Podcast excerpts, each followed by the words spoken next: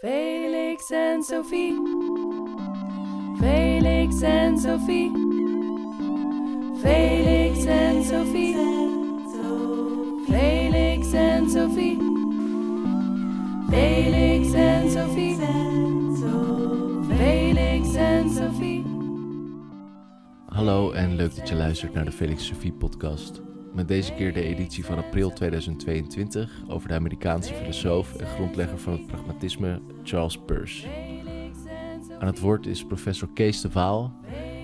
Die is eh, specialist op het gebied van Peirce en neemt je mee in het leven en het werk van de filosoof. Veel luisterplezier.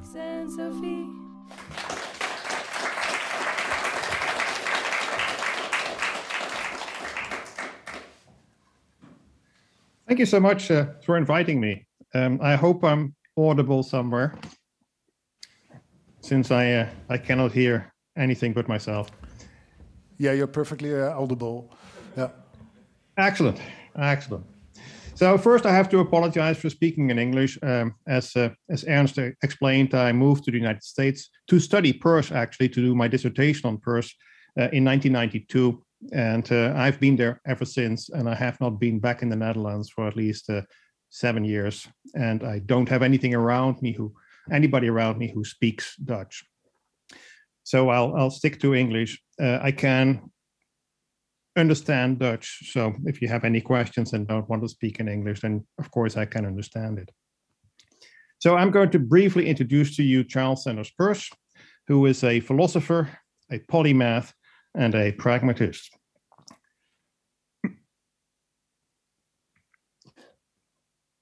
At least I'm trying to. Yeah, there we go.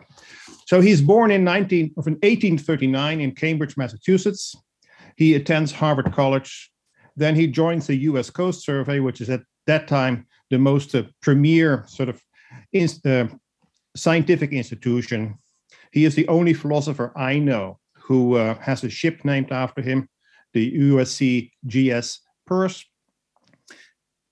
In uh, the ni- 1870s, he begins teaching logic at Johns Hopkins University, which is then the first um, American graduate school. He retires in Milford, Pennsylvania, and he dies in 1914 in deep poverty and mostly forgotten. So let's uh, begin talking a little bit more about Peirce. His formative early influences are uh, quite a few of them, but I want there are three that I want to sort of uh, point out. When he was eight years old, he begins working through Justus von Liebig's experimental method for teaching chemistry, which is a system of 100 bottles in which you have to guess what the content is by doing chemical experiments. When he's 12 year old, he reads Richard Whately's uh, Elements of Logic, and ever from that moment, he says he has been a logician. And at 16, he begins studying Kant's Critique of Pure Reason. Peirce's father is the uh, American mathematician Benjamin Peirce. Um, and um, Benjamin Peirce had a great influence on Charles Peirce. Uh, he believed that his son was uh, destined to be a genius, and he did what he could to make that happen. And we will see a little bit later on that that had some, some negative consequences. Benjamin Peirce, by the way, is one of the founding fathers of the Smithsonian Institution. So if you have been at the mall in Washington, D.C., and visited one of the museums, he lies at the foundation of that. Peirce attended Harvard University. Both his grandfather and his father have been working at Harvard University. At Harvard, he learns, or he, he, he meets uh, William James, and they become lifelong friends. Ernst already pointed at James in his introduction. In uh, 1861, Peirce joins or goes to the um, Lawrence Scientific School to study chemistry. So he is by training a chemist. And um, one of the things that I also want to point out is that Harvard was a fairly small um, liberal arts college near Boston um, that didn't do very well. It had major problems. And then Charles Eliot becomes president in 1869 and he retires, or actually he dies in office in 1909. So he is the president of Harvard for 50 years. And uh, he makes from this sort of not very successful small college the institution that I'm sure most of you will know about. I mention Eliot in particular because Eliot becomes a fairly powerful enemy of Peirce. uh, Eliot and Peirce could not get along at all. After, still while being a student at Harvard, Peirce joins the Coast Survey, uh, first as a computer. Computers used to be human beings, and he was one of them. Um, and um, he he goes through the ranks, and he goes through the ranks rather quickly because in 1867 his father becomes the superintendent of the Coast Survey, and uh, one of the things that um, that he does after he becomes superintendent is to put his son in charge of gravitation research, and that involves making Charles Peirce the assistant to the superintendent, which is one so the superintendent is, is the big director, and uh, the assistant to the superintendent is sort of the, the, second layer. So Peirce certainly becomes a very influential scientist, but it also comes with a significant amount of nepotism that again is going to work against him in the long run, especially after his father dies in 1880.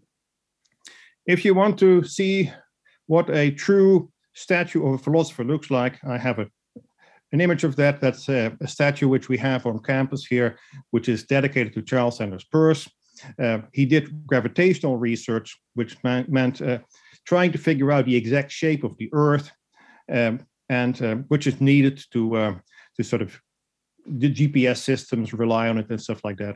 And he um, he is just commemorated right here. Peirce then while he is still working at the uh, Coast Survey, um, becomes a lecturer in logic in 1879.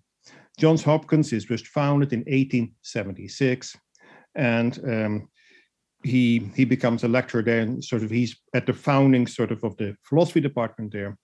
John Dewey, who some of you may know about, also one of the pragmatists, is one of his students. One important thing to point out of this period is that Peirce divorces his first wife, Zina Fay, uh, on April 24, 1883, and he marries his second wife, Juliette Froissy, two days later in 1883.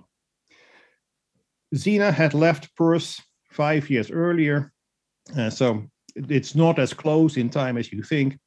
But he was living with Juliette openly for quite some time in Baltimore while at Johns Hopkins and um, he was therefore considered to be a highly immoral man because you may have a, a mistress, but you should not be open about it, and you should definitely not marry your mistress, which is what Peirce did.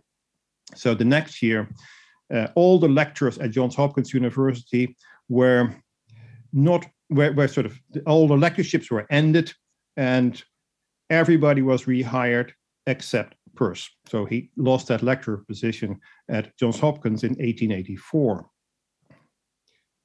because of his private life. Here is a, a picture of the, uh, the Johns Hopkins University inaugural original faculty of philosophy. Peirce is under the blue arrow. He is the only person depicted here that is not wearing academic regalia. And under the red arrow, there is uh, Simon Newcomb, Simon Newcomb was an American astronomer. He was a student of Benjamin Peirce. Um, he is rumored by some to be the, the person who inspired Professor Moriarty, the arch enemy of Sherlock Holmes. Um, so he was not considered to be a very nice human being. And he was most responsible, perhaps, for Peirce losing his job both at Johns Hopkins and at the Coast Survey. Peirce moves to Milford, a small city not too far from New York City in Pennsylvania in 1887. At that time, he is 48 years old. It's three years later he loses his job with the government, and then he is without a regular income. The rest of his life, trapped, uh, spends his life looking for money. He is a, basically a freelancer writing for various periodicals, and he dies in 1914 in abject poverty. One of the things about having a big house in the countryside is that uh, you don't have to throw anything away if you don't want to. And Peirce did not throw his manuscripts away, definitely starting in the late 1880s. And that has resulted in a, a large stack of manuscripts, um, and it's estimated to be well over 100,000 pages that are mostly preserved at Harvard's Houghton Library but there are also substantial deposits elsewhere. So most of Peirce's work and most of his most interesting work has never been published during his lifetime. In the 1930s, we get the first major edition of his work to come out, the eight volume collected papers published by Harvard University Press. But that edition had significant problems. And um, that really impeded his reception within the philosophical world. This, uh, the writings, which is the, the next big edition, which, which Ernst already hinted at, which is, um, supposed to become a 30 volume edition which is still a selective edition of his work, um, is meant to remedy some of the problems with the collected papers by putting his papers in a clearly chronological form and also including his scientific work and not just his uh, and his mathematical work and not just his philosophical work.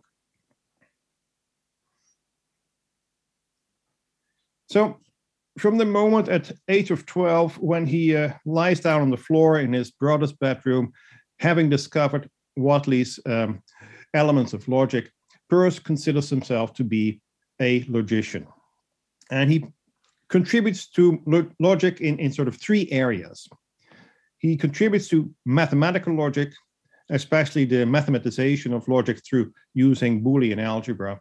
And most of the sort of the, the well-known philosophers at the beginning of the 20th century who know Peirce know him as a logician. So um, he was primarily known as a um, technical, sort of mathematical logician. Logic, mathematical logic, is historically algebraic.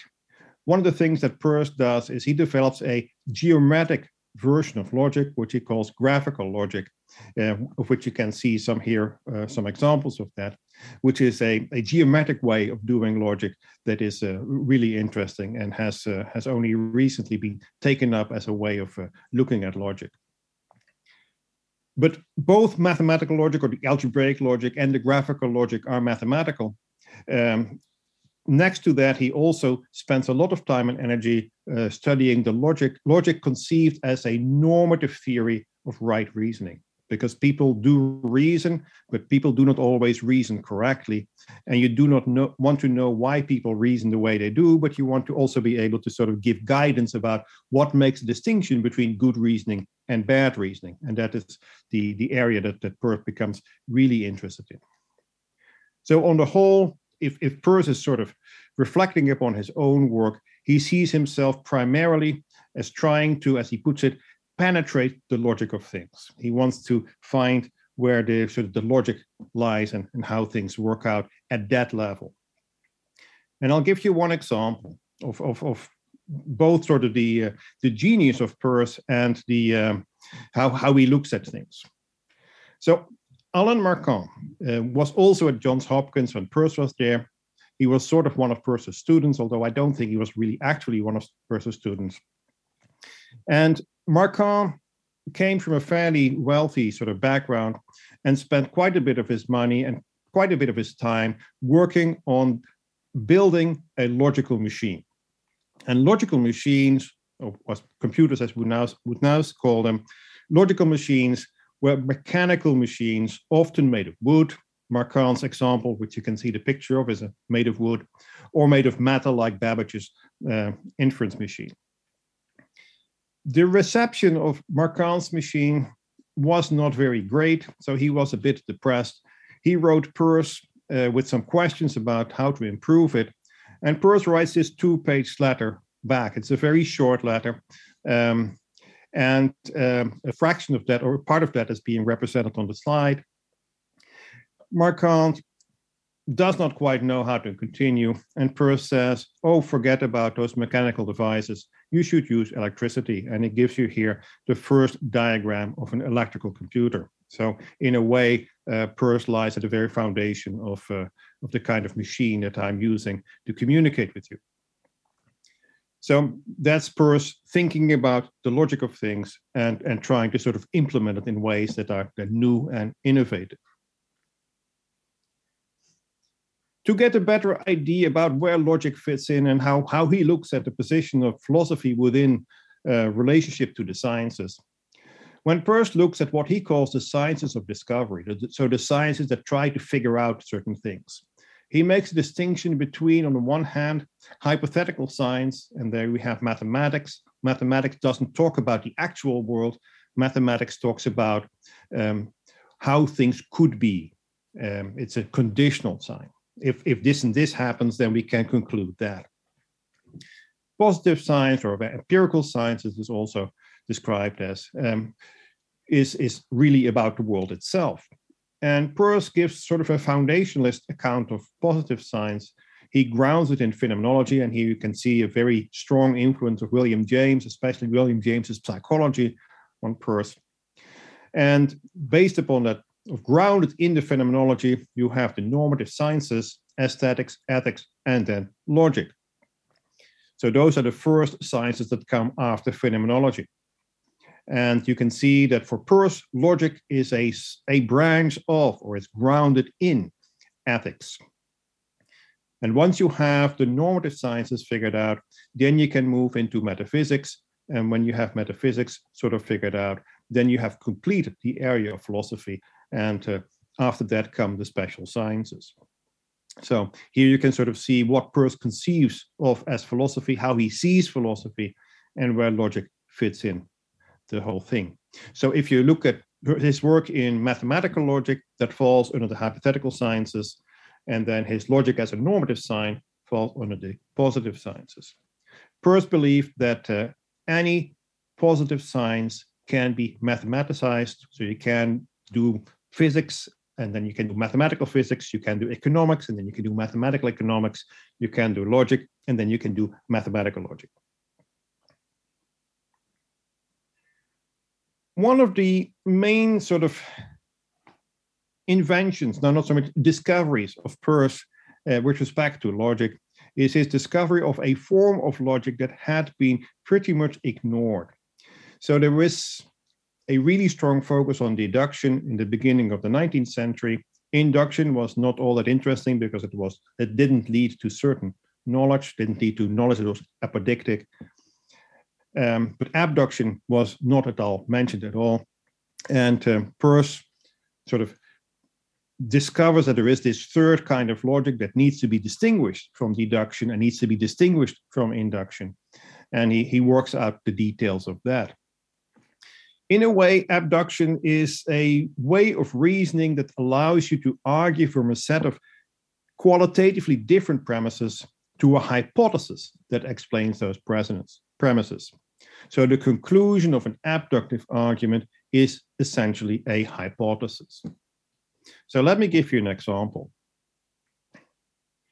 We can say, we can have the following four premises. There is a dead body in the library. There is a size 8 footprint next to the body. There is El Supremo cigar ash in the ashtray and a pistol with an M engraved on it near the body. So, what's the conclusion from all of this? What can we conclude from this? And then argues that um, if Moriarty is the murderer, then this would explain all these premises because he is a vicious human being. He has that size footprint. He smokes those cigars and he has a pistol with his initial on it. So, this is how an abductive argument works.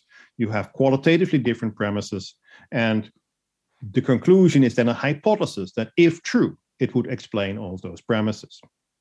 So this also tells you that uh, Sherlock Holmes himself, who proudly considered to considered himself to be a master of deduction, was not a master of deduction at all. He was a master of abduction, which is a, a different kind of argument.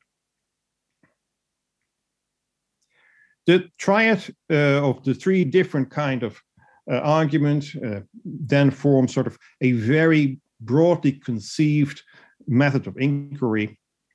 So you can say that scientific inquiry typically begins with an abduction, that is, it begins with the generation of a hypothesis.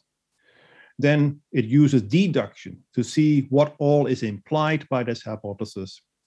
And then finally, it uses induction to test whether the hypothesis, in fact, is indeed correct. So here you have, in a nutshell, how, how scientists, in Peirce's sort of terms, uh, should, in broad sense, conduct their inquiries. Peirce, however, and this is important to realize too, does not define science in terms of a method. Um, he believes that if you want to design, define science, if you want to demarcate, demarcate science from other enterprises, you should not do it in terms of a so called scientific method, but you should um, define it in terms of any inquiry that is engaged in with a genuine desire to have your questions answered. That counts as scientific inquiry. So, Peirce's conception of science is exceedingly broad. If we do look into the questions that we are asking with a genuine desire to have those questions answered, then the methods we need to make that happen will emerge organically. Peirce's sort of most proudest accomplishment is his discovery of the categories.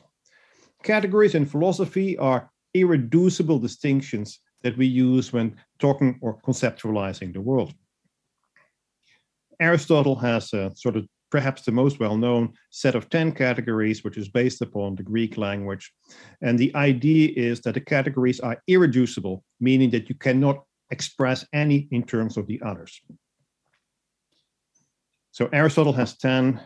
The second, very well known sort of set of categories goes back to Immanuel Kant in his Critique of Pure Reason. He has 12 categories, and they are structured very differently than Aristotle's.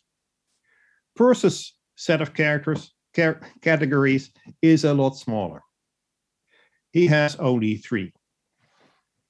And he calls them in, in, in ways that sort of try to avoid any sort of connection with anything else. He calls them simply firstness, secondness, and thirdness. And let me try to sort of briefly sort of give you an idea about what these categories are about. And I use the example of a, a hot air balloon as, uh, as my way of doing that. So, firstness, imagine yourself that you are in a hot air balloon in a really dense fog, not really thinking about anything whatsoever, but just, just so to speak, being one with the fog. And uh, that is as close as you can come in, in phenomenology or in, in, in real world with the conception of firstness. Now, suppose that while you are in this condition, there is a sudden really loud sound of a, a hissing sound. And then we have two things. So that's secondness. But since you have no idea how that hissing sound relates to anything else, they are two independent things that are sort of intruding upon one another. So secondness is, is pure unmediated opposition or, or intrusion. When you then come to the realization that the hissing sound is caused by the balloon suddenly losing air because of a rip in the balloon fabric, then you get thirdness. So thirdness is a relationship between two things. Now, Peirce also argues that once you have these three, you don't need anything else. You don't need fourthness or fifthness or something like that, because any more complicated relational configuration can be explained in terms of those three categories. Remember, the categories have to be irreducible if you would begin bring in fourthness or fifthness, those are reducible to the first three. So these are Peirce's categories. They're really general um, and basic sort of notions that any in any attempt to understand anything whatsoever requires these three fact or, or involves these three categories. That uh, has uh, an important consequence so Peirce is not a dyadic thinker.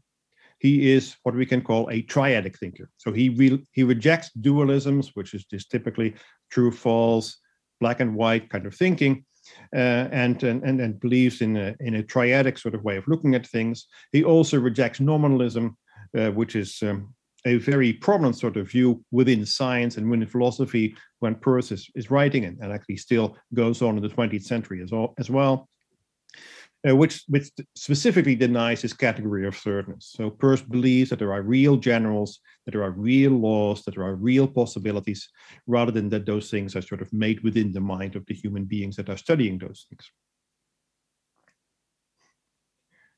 Peirce is also very well known for his semiotics.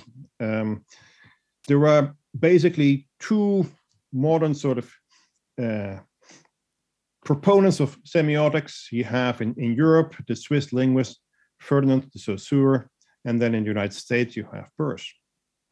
The big difference between this European semiotics and Peirce's semiotics is that the European semiotics that, that comes out of Saussure is dyadic, whereas Peirce's semiotics is tri- triadic. So for, for, for the Saussure, you have um, a sign that consists of a signifier, something that does the signifying, and the signified is that what is being signified by the signifier. So there are only two things. And this relationship is typically considered to be arbitrary. For Peirce, there is a triadic connection between what he calls the object, the way in which the object appears to us in a representation, and then the interpretation of that representation in relationship to its object. And those three are again irreducible. You cannot have a sign without an object, but you also cannot have a sign without the interpreted or the interpretation. So you get a, very different sort of uh, idea of how, how signs work. And of course, anything we do when we communicate, including using language, is, is a way of using signs. If we apply this to Peirce's conception of the human mind and Peirce's conception of the self, uh, Peirce will argue that uh, we always appear to ourselves as an interpretation that is an interpretation that itself always again elicits a new interpretation and so on. So for Peirce, you come to know yourself by how you appear to yourself, and the way you appear to yourself always involves interpretation, and that's a new way of you yourself appearing to yourself, which again leads to an interpretation. So you get an unlimited semiosis of the self. In general, Peirce can be considered to be one of the main 19th century anti-Cartesian thinkers. He radically rejects Descartes' idea of certainty, that there is no way in which we as human beings can ever know anything for sure. Uh, instead, he opts for what he calls fallibilism or anti-cocksurism or critical common sensism. He also rejects Descartes' idea that we can clearly and distinctly perceive.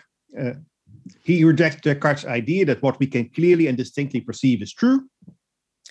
Um, and more generally, that truth must be grounded in the individual. So for Descartes, to know that something is true, you have to perceive it clearly and distinctly. And the individual is always the benchmark for what is true. And Peirce rejects all that as well. And he rejects Descartes' notion that we can really have a direct and immediate sort of certain um, insight into who we are. As Peirce puts it, um, when you doubt, um, that's when you start inquiring. That's where you start to do research and so on. But the moment you have found the answer, you stop doing your research because you have found the answer. And to continue doing research when you already have found the answer, when you already believe that you know the answer, is, is, is irrational. That is something that, that we in practice do not do. And it's also something ought to demand of something of people that they do it this is one of the reasons why Peirce argues that inquiry should always be a communal enterprise. So, as for Descartes, the um, the inquiry is something that the, the, the, lone scientist does, and when he gets a clear and distinct idea, then he knows that he has the right answer. For Peirce, it's always a communal affair in which we are constantly being corrected by other people who see things that we didn't think of and then you get this this project of of semiosis as well, um, in which things just move into the future.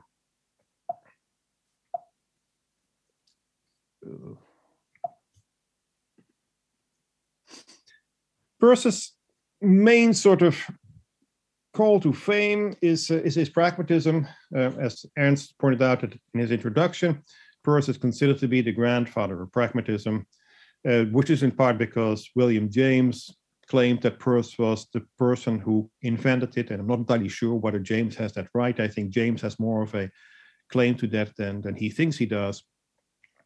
Pragmatism is a school in philosophy which holds that the meaning of theoretical terms must be cast in terms of practical effects. In fact, the pragmatists will say that you cannot mean anything else with any word you use, but what you can conceive to be their practical effects. So, this is a way for Peirce to sort of see whether the concepts that we use in philosophy or in science actually mean something or whether we only think that they mean something. Peirce, it's important to note, talks about practical effects. He does not talk about experiential effects. And at that point, he's very different from 20th century logical positivists who, who really focus on this exper- experiential part. And therefore, the logical positivists are, are rather sort of uh, willing to dismiss ethics as being um, something that contains any meaning. They think it is cognitively meaningless, uh, except for perhaps emotivism, where ethical claims are just expressions of emotions. With Peirce, you find nothing of that. Um, he uh, he talks very much in terms of practical effects, and he, he doesn't really talk about experiential effects, uh, in part because that would mean a lapse back into nominalism, which he which he deplores. So to give you some examples, um, is before that one more comment. Uh, pragmatism has as one of its consequences that the meaning of our terms become dynamic uh, because they change over time. The more we learn about something, that will affect how we conceive of it. And it also connects the meaning of our terms again directly with the inquiries within which we use those terms, rather than that we impose them sort of ex cathedra by stipulative definition. So pragmatism um, also in this in this area makes not only the scientific method but also the, the terms that we use themselves part of the inquiry that we uh, that we are engaged in. It's important so that to realize that Peirce's pragmatism is not something that sometimes is considered to be what it means, namely that it is a practical thing. Um, it's not confined to what is crudely practical. So if you are sort of really trying to say that theoretical terms should be practical terms, then it makes no longer sense to talk about uh, incommensurability or talk about incommensurable numbers like the number pi, because the number pi is um, is easily translatable into uh, just uh, digital numbers like one, two, three, one, three point one, four, five, nine, and so on.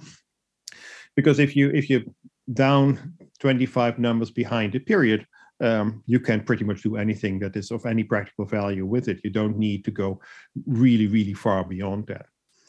Peirce believes, though, that, that incommensurables like pi eh, are, are crucial and have a practical um, effect, albeit not sort of a crudely practical effect in the sense that it really allows us to do things in the real world with it. To give you an example of something that he rejects as being meaningless, um, he gives the example of transubstantiation. So for Peirce, transubstantiation is pragmatically meaningless for the simple reason that, by definition, transubstantiation is such that you cannot tell the difference. That is, the bread and wine that goes, the, the, yeah, the bread and wine that goes into the Eucharist still tastes and smells and feels like the bread and wine that comes out of it. I said that's the other way around. The the bread and wine that goes into the um, Eucharist comes out exactly the same way at the other end, um, because the attributes do not change in transubstantiation. What changes in transubstantiation is the substance, and the substance is something that we have no access to. Consequently, for Peirce, uh, transubstantiation is something that is completely meaningless. So, pragmatism as a, a way of doing philosophy requires a thorough rethinking of our philosophical and scientific vocabulary. So, you can pick your favorite sort of theoretical or philosophical concepts like truth or reality or soul or rationality or human rights or personhood. And the pragmatists will say we have to really rethink those terms and see how we can sort of cast those terms in terms of their practical consequences and and as you do if, if you do that then you will sort of see things shift in, in interesting ways uh, in the way in which you can do philosophy